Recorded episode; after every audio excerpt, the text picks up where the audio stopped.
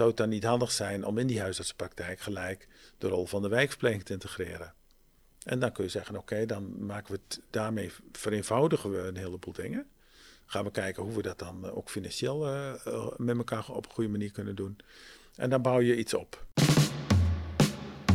Dit is De Eerste Lijns, de podcast over de toekomst van de Eerste Lijn. Mijn naam is Piet Hein Peters. In deze aflevering spreek ik met Jos de Blok, oprichter en bestuurder van Buurtzorg. Jos Blok, enige tijd geleden zei hij op Twitter, uh, tenminste zij, schreef je op Twitter, een nauwere samenwerking tussen wijkverpleging en huisartsen zou een hoop werkdrukproblemen oplossen. Ik herhaal hem nog een keer voor de luisteraars. Een nauwere samenwerking tussen wijkverpleging en huisartsen zou een hoop werkdrukproblemen oplossen. Wil het graag met jou in deze podcast over dat citaat hebben. Als jij over werkdrukproblemen spreekt, daar hebben we op dit moment in de zorg tal van beelden bij. Maar vanuit jouw perspectief, wat, zie jij dan? Ja, ik zie heel veel dingen die voortkomen uit uh, heel veel afstemming, coördinatie, uh, waar heel veel tijd in zit. Uh, wat volgens mij op een andere manier opgelost kan worden. Dus we hebben de laatste 30 jaar heel veel functies en taken opgeknipt. we hebben heel veel nieuwe functies gecreëerd, zowel in de huisartsenpraktijk als in de wijkverpleging. Dat betekent dat er bij patiënten heel veel meer mensen betrokken zijn. Dat betekent dat er veel meer overleg en afstemming nodig is. En daar gaat heel veel tijd en drukte in zitten.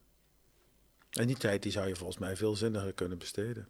Dus de werkdrukproblematiek, jij kijkt dan met name aan naar afstemming, coördinatie. Je kan de tijd maar één keer besteden. Dus als je het besteedt aan, aan overleg en afstemming en coördinatie, dan kun je het niet aan andere dingen besteden. En naarmate de druk steeds groter wordt, wordt dat een steeds groter probleem volgens mij. En daar klinkt in door dat jij vindt, we zijn in dit land nou, het afgelopen decennium steeds meer gaan coördineren en afstemmen. Dat, de laatste 30 jaar. De laatste 30 jaar. Ja. Wat zijn daar drijvende factoren in? Nou, dus eigenlijk vanaf e-, eind jaren 80 zag je met name discussies in de politiek over uh, nou, marktprikkels, uh, anders organiseren. Veel meer uh, op basis van nieuw public management. Bestuurskunde, bedrijfskundige inzichten werden steeds mm-hmm. dominanter. En wat je gezien hebt is dat dat, dat vertaald is in allerlei verschillende patronen, bekostigingsmodellen, waarbij eigenlijk niet meer het probleem van patiënten centraal staat, mm-hmm. maar de bekostiging en verantwoording en de communicatie tussen allerlei mensen die omdat het zo gefragmenteerd is geworden daardoor. Ja, dus die fragmentarisering, voortvloeiend uit de manier waarop we naar zorg zijn gaan kijken, ja. Eh, sinds 30 jaar geleden, daar vloeit uit voor dat we allemaal dat we elkaar moeten gaan opzoeken en moeten gaan coördineren en afstemmen. Hoe zie jij dat in de praktijk van, ik zeg het nu even zo, jouw wijkverpleegkundige, de wijkverpleegkundige die bij buurtzorg werkt? Nou, wat wij geprobeerd hebben is uh, zeggen van als jij nou gewoon doet wat jij vindt dat nodig is, mhm. dan vereenvoudigt dat de boel enorm. Dus we zijn begonnen met te zeggen van ja, al die producten die er waren in de wijkverpleging, er waren er 15, dat gaan we allemaal op één hoop gooien. Dus, dus verpleging, verpleging extra, verpleging speciaal. Mhm. Nou ja, ik vond het al heel bijzonder dat je het allemaal kan bedenken. Uh, dat leidde tot allemaal productcodes. Dat leidde tot uh, vijf minuten registraties en noem het maar op. Wij zeggen, nou, dan hoef je eigenlijk niet meer bezig te zijn. Je kan gewoon kijken, je komt bij iemand over de vloer, je kijkt wat er aan de hand is en je kijkt wat je eraan kan doen. Simpeler kan het volgens mij niet. Mhm. En dan kun je kijken van, nou, met, wie moet ik dan nog afstemmen om dit zo goed mogelijk te laten verlopen? Nou, dan bel je gewoon de huisarts als het nodig is. Mhm. En als je dat doet, dan kun je gewoon volledig je energie en aandacht richten op uh, zo goed mogelijk die zorg verlenen. Kijken hoe je zorg kan voorkomen. Kijken hoe je de uh, zelfstandigheid van mensen kan bevorderen, uh, gezond gedrag, al die dingen.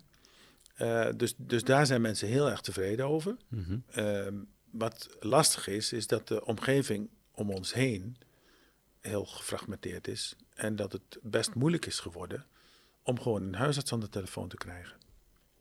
Dus om die afstemming, die coördinatie überhaupt te hebben. Ja. ja ik hoor soms verhalen dat mensen wel eerst een half uur aan de telefoon moeten hangen voordat ze contact hebben met de huisartsenpraktijk. Mhm. Is die afstemming, die coördinatieproblematiek, is dat dan exclusief met huisartsenpraktijk? Of zeg je, ik zie het wel meer, ik zie mijn wijkverpleegkundige ook wel op andere terreinen daar ja. moeite mee hebben? Nee, nee, het is, het is wel, uh, zeg maar, over, het, over de hele linie zie je bij professionals dat uh, de structuren waarin eh, mensen zijn gaan werken, dat dat eh, nou niet echt bevorderlijk is voor uh, zomaar even informeel contact. Dus er zijn veel formele structuren ontstaan. Mhm. Maar je ziet dat met name wel bij gezondheidscentra.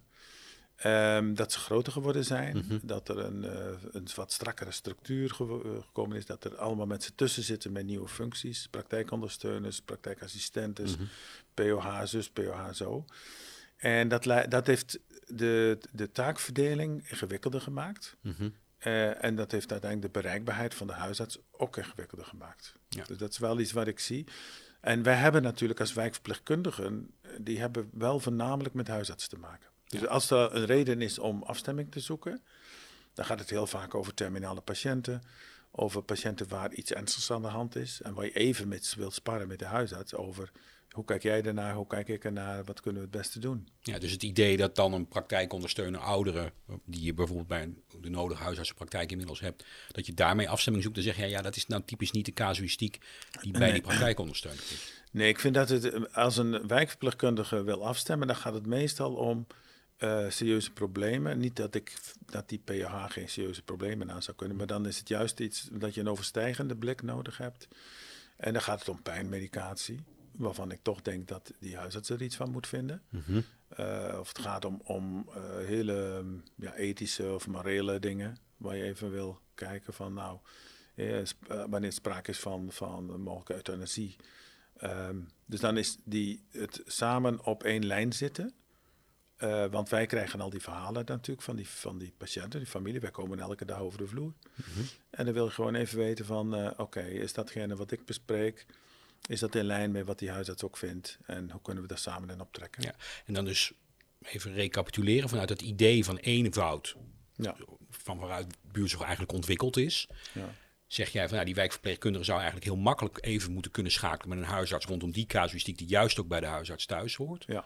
En dat kan nu niet. Dat, Nee. dat, kan, dat, is, dat is nu te ver weg. Hoe kijk je naar de werkdruk bij huisartsen? Als jij daar. Dat krijg jij van een afstand mee? Om Ja, zo te ja, ja. Nou, niet alleen van afstand hoor. Ik ben ook eh, nog wel een paar jaar een, keer, eh, een tijdje verantwoordelijk geweest voor een gezondheidscentrum. Oké. Dus ik heb met, eh, ik heb met heel veel huisartsen mogen werken. Nog steeds. En wat ik zie is dat ehm, eigenlijk een paar dingen. Ehm, de, zeg maar, de organisatie van de huisartsenpraktijk is, is dus veel ingewikkelder geworden. Mhm. En ja, mijn beleving is, en ik hoop niet dat ik daar iemand mee beledig, maar dat huisartsen over het algemeen helemaal niet zo goed zijn in organiseren. Dus, eh, dus als jij een huisarts verantwoordelijk maakt voor eh, ook bijvoorbeeld eh, personeelsdingen van allerlei praktijkondersteuners en andere mensen die in de praktijk werken, dan vraag je eigenlijk iets aan iemand die er niet zo heel goed in is. Dus, en ik heb wel ik heb be- bevriende huisartsen, die hadden er eigenlijk ook een beetje hekel aan. Eh, dus die zegt van ja, ik wil helemaal geen manager zijn. En dat lijkt me ook heel gezond. Eh, ik vind eigenlijk dat niemand manager zou moeten willen zijn. Ehm, maar dat, dat je zegt van oké, hoe organiseren we het nou praktisch en makkelijk? Ja, er zijn heel veel oplossingen voor. Dus mijn, mijn, eh, ik, ik kom in een tijd dat, ik, dat we met de kruisvereniging nog werkten. Mhm. En toen had ik drie huisartsen waar ik heel nauw mee samenwerkte. Eh, Frank, eh, Dick en Jan. En eh, dat was gewoon even onderling bellen en het was geregeld. Als je iets, of ik even binnen, dronk even koffie. Als je iets, iets had waar je dacht, of we deden samen consultatiebureau. Dus je had allerlei momenten waarbij je even kon afstemmen. Dus mijn idee in de huidige situatie zou zijn, we hebben allebei te maken met een personeelstekort. Ik hoor steeds meer huisartsen die zeggen van ja, ik kan geen praktijkondersteuners vinden of, of praktijkassistenten. Waarom zou je niet gewoon eh, een aantal dagdelen een wijkverpleegkundige in, in je praktijk nemen, die daarnaast gewoon in een team werkt? Lijkt me heel handig voor eh, de afstemming en communicatie. We doen dat overigens al mm, eh, op verschillende plekken in het land met verpleegkundigen. omdat die toevallig die huisarts kennen, die huisarts vraagt van... wil jij niet ook mijn eh, praktijkondersteuner zijn? We hebben een paar huisartsenpraktijken waar we verpleegkundige specialisten hebben werken. Die doen en eh, visites en die werken daarnaast in een team van buurtzorg. Nou, dat is echt een geweldige combinatie. Zowel de huisarts, het team, als die uh, verpleegkundige specialist zelf zijn allemaal erg tevreden. Ja, ik, ik, wil er zo meteen verder op ingaan, op dat idee. Hè? Want dit is, dit, is, dit is het uitwerken van waarom jij denkt dat een nauwere samenwerken, ja. Nauwere samenwerking zou kunnen leiden tot uh, minder werkdrukproblemen. Maar nog even naar die werkdrukproblematiek van de huisarts. Ik kan me voorstellen dat huisartsen naar jou luisteren en dan denken, ja, maar Jos, um, onze caseload, patiëntload wordt steeds groter, want er zijn steeds minder huisartsen die praktijkhoudend willen zijn. Um, um, ik, het, sociaal domein, of we hebben besloten van, vanuit beleidswegen dat we steeds meer mensen met sociale problematiek langer thuis laten wonen. Dat komt ook bij mij terecht. Dus het vraagt aan andere competenties die ik misschien niet altijd heb. Dus daarom heb ik die praktijkondersteuners. Um, dus ja, ik, ik zit wel een beetje in een soort kramp. Iets meer empathie zou wel fijn zijn voor onze penibele positie. Oh, ik heb, maar ik heb heel veel empathie over huisartsen. Ik vind, uh, nee, ik vind ook echt jammer dat uh, uh, zeg maar die, uh, die ver verwijdering tussen huisartsen en wijkverpleging mm -hmm. vanaf eind jaren 80, uh, begin jaren 90 eigenlijk zo'n effect gehad heeft dat op een gegeven moment, want dat is wat ik in ieder geval rond 2000 heb meegemaakt, dat huisartsen zoveel last hadden van die thuisorganisaties dat ze zeiden we gaan het zelf organiseren. Dus daar zijn, naar mijn idee, is daar de groei van het aantal praktijkondersteuners uit voortgekomen. Um, en ik begrijp dat heel goed. Ik zeg alleen, uh, en ik zou willen uitnodigen, uh, de huisartsen willen uitnodigen om na te denken over als je nou kijkt naar de samenhang in de eerste lijn en de manier waarop je dat kan organiseren, uh, dan zijn er andere oplossingen mogelijk dan die we nu hebben. En, en daarna kijken en het daar samen over hebben, dat biedt een veel gunstiger toekomstperspectief, ook voor die werkdruk, dan, dan wat we nu tegenkomen. Ja. Want Kijk, zoals ik het zag, hè, dan, um, ik ben dus verantwoordelijk geweest voor het gezondheidscentrum. Uh, en dan zag ik die routines van die huisartsen in het doen van consulten en het doen van visites. En uh, toen was er ook nog de, de, de, belangrijke rol in de bereikbaarheid. Dat is eigenlijk redelijk um, zeg maar overzichtelijk. Dus die dynamiek in die huisartsenpraktijk is een totaal andere dynamiek dan in de wijk. Mm -hmm. Dus als je als wijkverpleegkundige in de wijk werkt, dan heb je mee um, een, een, andere, een ander patroon te maken dan wat in die huisartsenpraktijk. En die combinatie, dus dat je en die wijkdynamiek kent en meeneemt, en die dynamiek van die huisartsenpraktijk, die combinatie is geweldig. Maar wat gebeurt er? Praktijkondersteuners gaan eigenlijk mee in de dynamiek van die huisartsenpraktijk. Mm -hmm. Dus eigenlijk wordt het moeilijker voor de huisarts, naar mijn idee, om die dynamiek uit de wijk en wat er allemaal in mogelijk is, in het delen van zorg bijvoorbeeld, over informele zorg, over mantelzorgers, die een, een grotere rol te laten geven. Dat zijn allemaal dingen die uiteindelijk een positief effect kunnen hebben op de werkdruk van huisartsen. Dus ik denk echt dat het, de mogelijkheden om die werkdruk te beïnvloeden, zijn vele malen groter als je buiten de praktijk kijkt, dan wanneer je het alleen binnen de praktijk ja. houdt. En hoor ik je dan ook zeggen, om te kijken of ik je goed begrijp, de situatie die nu ontstaan is en die de afgelopen jaren steeds verder vorm heeft gekregen, is dat huisartsen zichzelf eigenlijk uit die dagelijkse dynamiek van de wijk weggeorganiseerd hebben op een bepaalde manier. En daar ja, en mensen zozeer, tussen gezet hebben. Niet zozeer die huisartsen zelf, denk ik. Maar wat je ziet is dat uh, huisartsengroepen zijn gegroeid. Mm -hmm. Er zijn meerdere mensen onder uh, één gezondheidscentrum gekomen. Mm -hmm. Daar is heel vaak een directeur boven gekomen of een praktijkmanager. Mm -hmm. Nou, die directeur en praktijkmanager redeneren over het algemeen niet vanuit de inhoud. Dus die proberen gewoon het, eh, het resultaat van zo'n gezondheidscentrum op een goede manier te managen. En daarmee raak je eigenlijk een beetje verwijderd van uh, zeg maar de dynamiek in de buurt en de wijk. Dus naar mijn idee zijn die, die mechanismes, en dat geldt, dat geldt voor alle organisaties, van uh, richt je je op de bedrijfsvoering van je organisatie of richt je je op de dynamiek die ontstaat rondom de problemen van patiënten? Dat zijn ja. twee verschillende dingen. En wat ik zie is dat in, in heel veel organisaties heeft dat organisatiebelang is steeds groter geworden. Uh, en steeds onoverzichtelijker, omdat er steeds meer mensen bij betrokken zijn. Er zijn ook specifieke mensen voor aangenomen die daar uh, zeg maar een rol in hebben. En dat maakt het, dat maakt het er niet makkelijker op. En het is dus niet zo in jouw ogen dat omdat die patiëntenpopulatie, de groei daarvan, maar ook het, het afnemend aantal beschikbare huisartsen, uh, dat dat redenen zijn om juist uh, te gaan werken aan die bedrijfsvoering en dat, nee. dat op te dat, dat zijn geen communiceren. Nee, nee, nee, wat, wat, je zou, nee, want kijk, uh, wat ik zie is dat er heel veel waarnemers zijn die vanwege die complexiteit geen praktijk willen beginnen. Ja. Dus dat zie ik als het grootste probleem. En ik zie die complexiteit die dus ontstaan is, waar dus... dat zijn die managementlagen, dat, dat is die bedrijfsvoering. Precies. Dus als je zeg maar, ik, ik geloof heel sterk in dat als je het klein en overzichtelijk houdt, dat iedereen uh, zeg maar veel meer kan bijdragen in het regelen. Dus als je kijkt naar die teams van ons, als je gewoon met acht of tien mensen samenwerkt, dan is dat heel overzichtelijk in zo'n buurtzorgteam. Ja. Dan kun je alles met elkaar regelen. Dan komen die vragen van management komen helemaal niet aan de orde. Dus die zijn, die, die zijn uh, voor, voor heel veel teams is het logisch nu, in dat het, het feit dat zij geen manager hebben, maakt het voor hen veel makkelijker dan dat ze, wanneer ze dat wel hebben. Zeg je daarmee impliciet ook iets over de schaal van huisartsenpraktijken? Ja. Hoe groot die kunnen zijn? Ja, ik vind dat... Uh, kijk, toen ik in de wijk werkte, had ik echt met huisartsen te maken die hun buurt goed kenden. Die de generaties in die buurt goed kenden.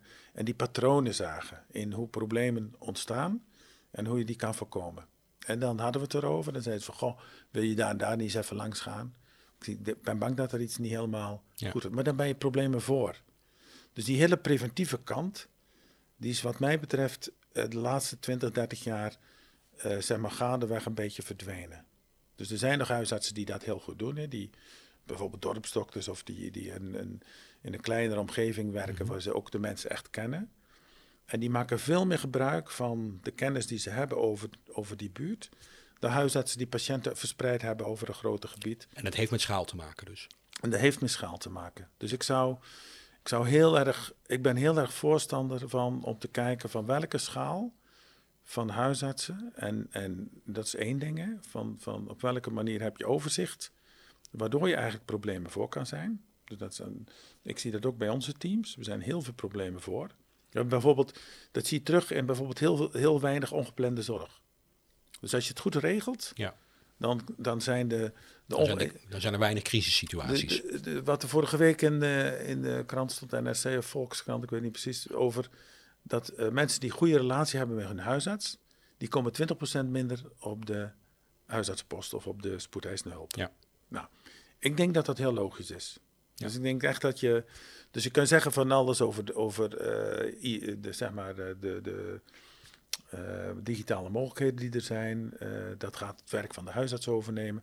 Ik geloof daar helemaal niks van. Ik denk dat de relatie die je hebt met je patiënt, de kennis over patronen bij je patiënten, als je daar goed zicht op hebt en je kan daarop anticiperen, dat dat een van de belangrijkste criteria wordt voor de komende jaren. Ja, en dan zeg jij dus ook, de kritiek die wellicht nu luisteraars kunnen hebben. Ja, maar Jos, we hebben gewoon te weinig huisartsen. We kunnen niet meer die klein, wat meer kleinschalige huisartsenpraktijken kunnen we niet meer voor elkaar krijgen. En de luisteraars zien het niet, maar je begint al mee te knikken. Ja. Uh, um, dan, dan zeg jij dus van nee, juist de manier waarop we het nu zijn gaan organiseren, maakt dat uh, huisartsen niet meer die stap, die kleinschaligheid aan willen, Precies. want ze zijn bang voor die bedrijfsvoeringskant, niet meer ja. die zelfs. Dat, dat, jij, jij, jij denkt andersom, zeg maar. Ja, nee, maar dat hoor ik ook gewoon als ik met waarnemers praat en, en hun vraag waarom, waarom begin je niet zelf een praktijk, dan zeg je ja, al dat gedoe wat er allemaal bij ja. komt.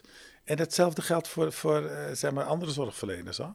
Ja. Dus de, als je kijkt hoeveel mensen de zorg uh, uitgaan omdat ze last hebben ja. van bureaucratie, van hiërarchie. Zo laatst nog vorige week nog een onderzoek van NVN. De meeste mensen hebben last van hiërarchie. Dus je hebt een leidinggevende die, die daar zit vanwege de bedrijfsvoering. De druk op organisaties is groot, want je moet financieel uitkomen. Dus die gaat sturen op dingen die jij vanuit de zorg die je wilt verlenen voor je patiënt, die helemaal niet dat logisch vindt. Ja. En dat botst. Ja. Dus als je dat omdraait en je zegt, oké, okay, ga nou gewoon datgene doen wat jij denkt dat voor patiënten goed is, maar doe het op een schaal die overzichtelijk is. Zorg ervoor dat je lijntjes kan leggen, waardoor de last die ontstaat soms niet bij jou terechtkomt. Ja, dat, kun je, dat kun je regelen. Ja. Dus op het moment dat dingen fout gaan, bijvoorbeeld, dat is denk ik iets wat huisartsen heel vaak merken, dan gaan families die gaan druk uitoefenen. Dus die gaan druk uitoefenen bij de, de arts. Dit kan de zo huisarts, toch niet langer. Die zegt, dit kan zo niet langer. En dan, dan, nou, dan soms worden ze boos, de, de agressie neemt toe. Allemaal verklaarbare dingen. Maar je kan het beïnvloeden. Je kan het voorkomen. Dus wat ik zou, voor zou pleiten, is van uh, hoe kun je nu um, zeg maar patronen ontwikkelen, schaalgrootte, samenwerkingsvormen, die ertoe leiden dat je heel veel problemen voor bent. Nou, nou nam je toen net al, een aantal minuten geleden, gaf je al een voorzet. Hè? Jij zegt, wat, wat ik zie is dat, wat ik goed zie werken, is als wijkverpleegkundige eigenlijk zelfs in de praktijk gaan werken. Ja. En jij zegt, dat zie ik ook al met wijkverpleegkundigen van buurtzorg uh, gebeuren. Wijt daar iets, iets verder over uit? Wat, wat, hoe ziet dat eruit in de dagelijkse praktijk? Nou, de, de, als ik kijk nu naar de, de, de aanleiding nu is de krapte op de arbeidsmarkt. Mhm. Eh, tenminste vaak. Soms is het ook wel gewoon dat ze het goed kunnen vinden met elkaar. Ehm, en dan vraagt de huisarts van, oké, kan ik rondom die onderwerpen geen gebruik maken van een wijkverpleegkundige? Wat voor onderwerpen zijn dat dan, waar een huisarts... Nou, soms zijn het uh, specifieke spreken rondom uh, diabetes of uh, CPD. Mhm. maar soms is het ook gewoon een soort mix van alles. Dus ik vond dat wel mooi bij die verpleegkundige specialisten dan, dat die ehm, bij een aantal praktijken en een deel van de visites doen... En ook uh, de, de rol van de praktijkondersteuner en wijkverpleegkundigen zijn. Dus die hebben, die hebben een hele gevarieerde baan. Mm -hmm. kijk, in de wijk is de dynamiek zo dat er vooral de druk op de ochtend ligt. De middagen zijn redelijk rustig. Die middagen die zouden zo besteed kunnen worden in, de, in de huisartsenpraktijk. Ja. En dat zou de, niet alleen het werk aantrekkelijker maken, maar dat zou ook nog de mogelijkheid om fulltime banen te, te hebben, vergroten. Mm maar de hele discussie, ik, ik, verbaas me er dan over dat er gezegd wordt van ja, werkgevers willen geen extra uren geven. Die zorg voor die extra uren is niet op die momenten dat dat uh, zeg maar een, een fulltime contract mogelijk maakt. Dus, dus je kan wel extra uren geven. En we zijn bezig bijvoorbeeld mee, we hadden al gedacht van maken een spotje dat dan in die extra uren iedereen taart zit te eten en koffie zit te drinken. Maar het idee van hoe zitten nou die werkpatronen in elkaar, mhm. bij, zowel bij de wijkverpleging als de huisarts. En hoe kun je van daaruit dan redeneren dat je de mensen die je hebt ehm, beter en effectiever benut. Meer een samenhang. Meer een samenhang. En dan moet je kijken, oké, kun je daar niet uh, combinaties maken die zowel voor de wijkverpleging goed zijn, voor de huisarts een positieve uitkomst hebben en de samenwerking positief beïnvloeden. E-, even nog iets scherper voor mij. Dat, dat kan dus betekenen dat een wijkverpleegkundige s ochtends gewoon in de wijk op een aantal adressen in, in afstemming ook met anderen, met verzorgenden uh, aan de slag is. Ja. En dan smiddags in een huisartsenpraktijk een aantal van die mensen ook uit dat uh, woongebied ja. uh, daadwerkelijk ziet en ondersteunt bij bijvoorbeeld diabetes, COPD, andere met name geriatrische klachten. Ja, of, of gewoon wat, wat andere dingen. Uh, ik bedoel, je kan het ook met elkaar hebben over zijn er nog taken van die huisarts die je zou kunnen verschuiven. Als er mhm. echt sprake is van uh, zeg maar te hoge druk, dan kan je met elkaar kijken van hoe verdeel je dat. Ja. Wat zich in mijn hoofd meldt, twee, twee, twee tegenwerpingen, twee jamaren. Uh, de, de, eerste gaat over wat jij net zelf ook al aankaarten. Um, huisartsen zullen denken, ja, maar ik heb nu een POH voor die voor specifiek voor diabeteszorg is. En die gaat langs een aantal huisartsenpraktijken die, of uh, gericht op CPD of ouder in het algemeen. Ja. Jij lijkt te zeggen, eigenlijk hebben we die functie, ik interpreteer het nu en ik corrigeer me, die functielaag hebben we niet nodig. Die nee. POH, die praktijk ondersteunen. Dat, dat is eigenlijk...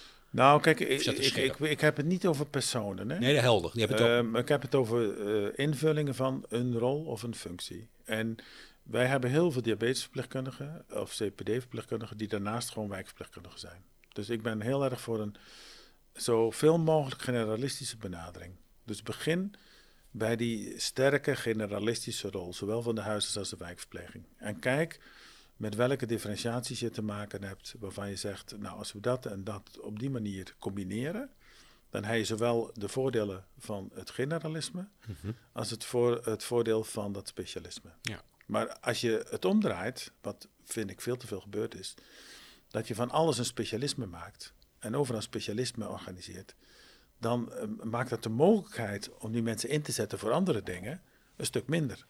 Dus we hebben eigenlijk ons eigen probleem gecreëerd de afgelopen 20 jaar, 30 jaar. Dus we zijn alles gaan fragmenteren.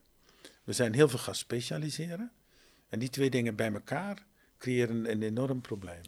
In het verlengde van deze eerste jaar maar wat jij nu in positieve zin bij mij oproept, is het idee dat juist ook het werk daardoor, bijvoorbeeld van die professors in die wijk, leuker wordt wanneer je ehm, diverser kunt werken. En COPD en zijn, dat eh, generalistische werk Ja. is leuker wellicht dan voortdurend diabetes. Er zijn heel veel onderzoeken die maken van wat zijn nou de belangrijkste criteria voor eh, duurzame banen. Dat is variatie in je werk, Juist. autonomie en eh, zoveel mogelijk zeg maar, je eigen ontwikkeling kunnen sturen. Tweede jaar maar. Ehm, de huisarts kan denken, ja maar Jos, welke wijkverpleegkundige? Ik heb er hier in mijn wijk van eh, zes organisaties eh, een aantal rondlopen. Nee, maar dat is niet zo. Dat is een beeld wat steeds geschetst wordt. Je hebt, eh, naar mijn idee, wel veel organisaties, maar je hebt niet heel veel organisaties waar wijkverpleegkundigen werken. Oké. En meestal zijn er, dat er, we hebben daar regelmatig onderzoek naar gedaan, dat zijn er meestal niet meer dan twee of drie in een wijk. Oké. En meestal zijn er twee die samen eh, ongeveer 90% van de zorg leveren. Mhm. Dus, dus dat beeld, wat eh, bijvoorbeeld Hugo de Jonge hal opriep, van Ja. al die autootjes en dingen, dat is een, een gecreëerd beeld. Ja, de, de, dus de huisarts die naar, naar deze podcast luistert, zal denken inderdaad, ik weet eigenlijk wel welke wijkverpleegkundige of welke twee wijkverpleegkundigen ik eigenlijk moet hebben als ik dit preciezer zou willen gaan vormgeven. Ik, ik denk dat er heel veel huisartsen zijn die de goede wijkverpleegkundigen waar ze mee te maken hebben heel goed kennen. Ook bij naam, dat ze zelfs een telefoonnummer hebben. Dat ze last hebben van die vele organisaties die er zijn. Want dat is, vind ik ook echt een probleem. Maar heel veel van die organisaties die werken met verzorgenden. En de, je hebt de, de, over het algemeen heb je de oorspronkelijke regionale Ja. eh thuiszorgaanbieder die nog voortkomt uit het eh, vroegere kruiswerk. En je hebt daarnaast op heel veel plekken buurtzorg. Ik ben voor wijkverpleegkundigen die als generalisten werken. En eh, als je steeds redeneert vanuit welke problemen kom je nou tegen in de buurt en de wijk en bij welke patiëntengroepen, wat voor, wat voor soort afstemming is dan wenselijk, dan heb je iets wat je zeg maar, kan zeggen, nou ik heb één aanspreekpunt. Nou, dat is handig. En die kun je zeggen, nou die wil ik af en toe wel ook wel een middag in de praktijk hebben. En daarnaast heb ik eh, gewoon korte lijntjes met de mensen die mij over mijn patiënten als huisarts verder kunnen helpen. Dus als je het goed doet, dan kan eh, een goede wijkverpleegkundige kan een huisarts enorm ontzorgen. Dus dan zeg je gewoon als huisarts van, eh goh, ik zie dit en dat gebeuren, kun jij dat voor mij regelen? En omgekeerd, een goede, die relatie kan er ook toe bijdragen dat ook een wijkverpleegkundige geholpen wordt in haar of zijn werk. Ja, maar vaak, kijk, de dynamiek van een, een Ja. wijkverpleegkundige is anders dan van de huisarts. Dus de, de, de wijkverpleging komt, eh, zeker bij intensieve situaties, vaak elke dag over de vloer. Dus die heeft te maken Ja. met die context. Eh, op het moment dat het nodig is dat de, de huisarts iets zegt over nou, het beleid daar of het eh, pijnbeleid of andere dingen, dan is het belangrijk dat ze snel kan schakelen. Ja. Als de huisarts iemand krijgt, een patiënt waar heel veel speelt, dan is over het algemeen het zicht van die huisarts op die situatie beperkt. Ja. Dus, en die moet vanuit die beperkte informatie proberen iets te doen of iets te adviseren. Op dat moment is het vaak zo dat de wijkverpleegkundige een beter beeld heeft. Eh, dus als je dan gewoon even die wijkverpleegkundige zegt, goh, ik zie dit en dat, zie, zie jij dat ook? Kun jij dat voor mij oplossen? Dan kun je dat rustig bij die wijkverpleegkundige leggen. Ja. Dus ik denk dat een heleboel last voorkomen kan worden door korte lijntjes en afstemming. Wat hin, wil, je vertelt her en der in het land zie ik het gebeuren. Ja. Het, het- het is al her en der praktijk Ja. en je noemt het als goede voorbeelden. Ja. Nou, laat ik het positieve vragen. Wat, wat helpt bij het, het verder vormgeven van die samenwerking? Of zeg jij nou, als we nou één ding kunnen doen om dit, deze ontwikkeling die ik voorsta verder te laten groeien, wat zou dat dan zijn? Nou, de- ik denk dat het heel belangrijk is eh, zeg maar dat er een soort gemeenschappelijke visie is. Dus dat je zegt van, ik ben nu bijvoorbeeld met buurtdokters bezig. En ik vind dat een geweldig initiatief. Dat Even voor de mensen die dat niet kennen, buurtdokters. Buurtdokters is een initiatief dat is genomen eh, door zeg maar een aantal huisartsen. Ehm, mensen die ook betrokken zijn bij zeg maar de groep van Help de, Huisarts, de Help de Huisarts Verzuipt. Mhm. Die hebben gezegd van ehm, schaalgrootte, ehm, eh, dat is één, één probleem. Eh, of één vraagstuk, laat ik zeggen. Tweede is van hoe sluit je nou aan op patiënten? Doe je dat vanuit de, de, gewoon de interventies of de consulten? Of doe je dat vanuit een idee van als ik de levensloop van mensen ken, dan kan ik beter huisartszorg bieden. Dus die zijn helemaal teruggegaan naar de oorspronkelijke mhm. rol als generalistische huisarts van levensloop volgend uh, dingen doen. Ja, dat is die, die gezamenlijke visie waar jij. En dat is een gezamenlijke visie. De, ik, ik ben daar ook heel erg voorstander van. Ik vind als je, als je de copingstrategie van mensen weet, als je weet waar mensen vandaan komen, hun cultuur, hun achtergrond, hun uh, familieomstandigheden, dan kun je veel beter inspelen op hun specifieke situatie. Dus die twee dingen, dus we zijn kijken van nou, zou het dan niet handig zijn om in die huisartsenpraktijk gelijk de rol van de wijkverpleging te integreren? En dan kun je zeggen, oké, dan maken we het daarmee, vereenvoudigen we een heleboel dingen. Gaan we kijken hoe we dat dan eh, ook financieel uh, met elkaar op een goede manier kunnen doen.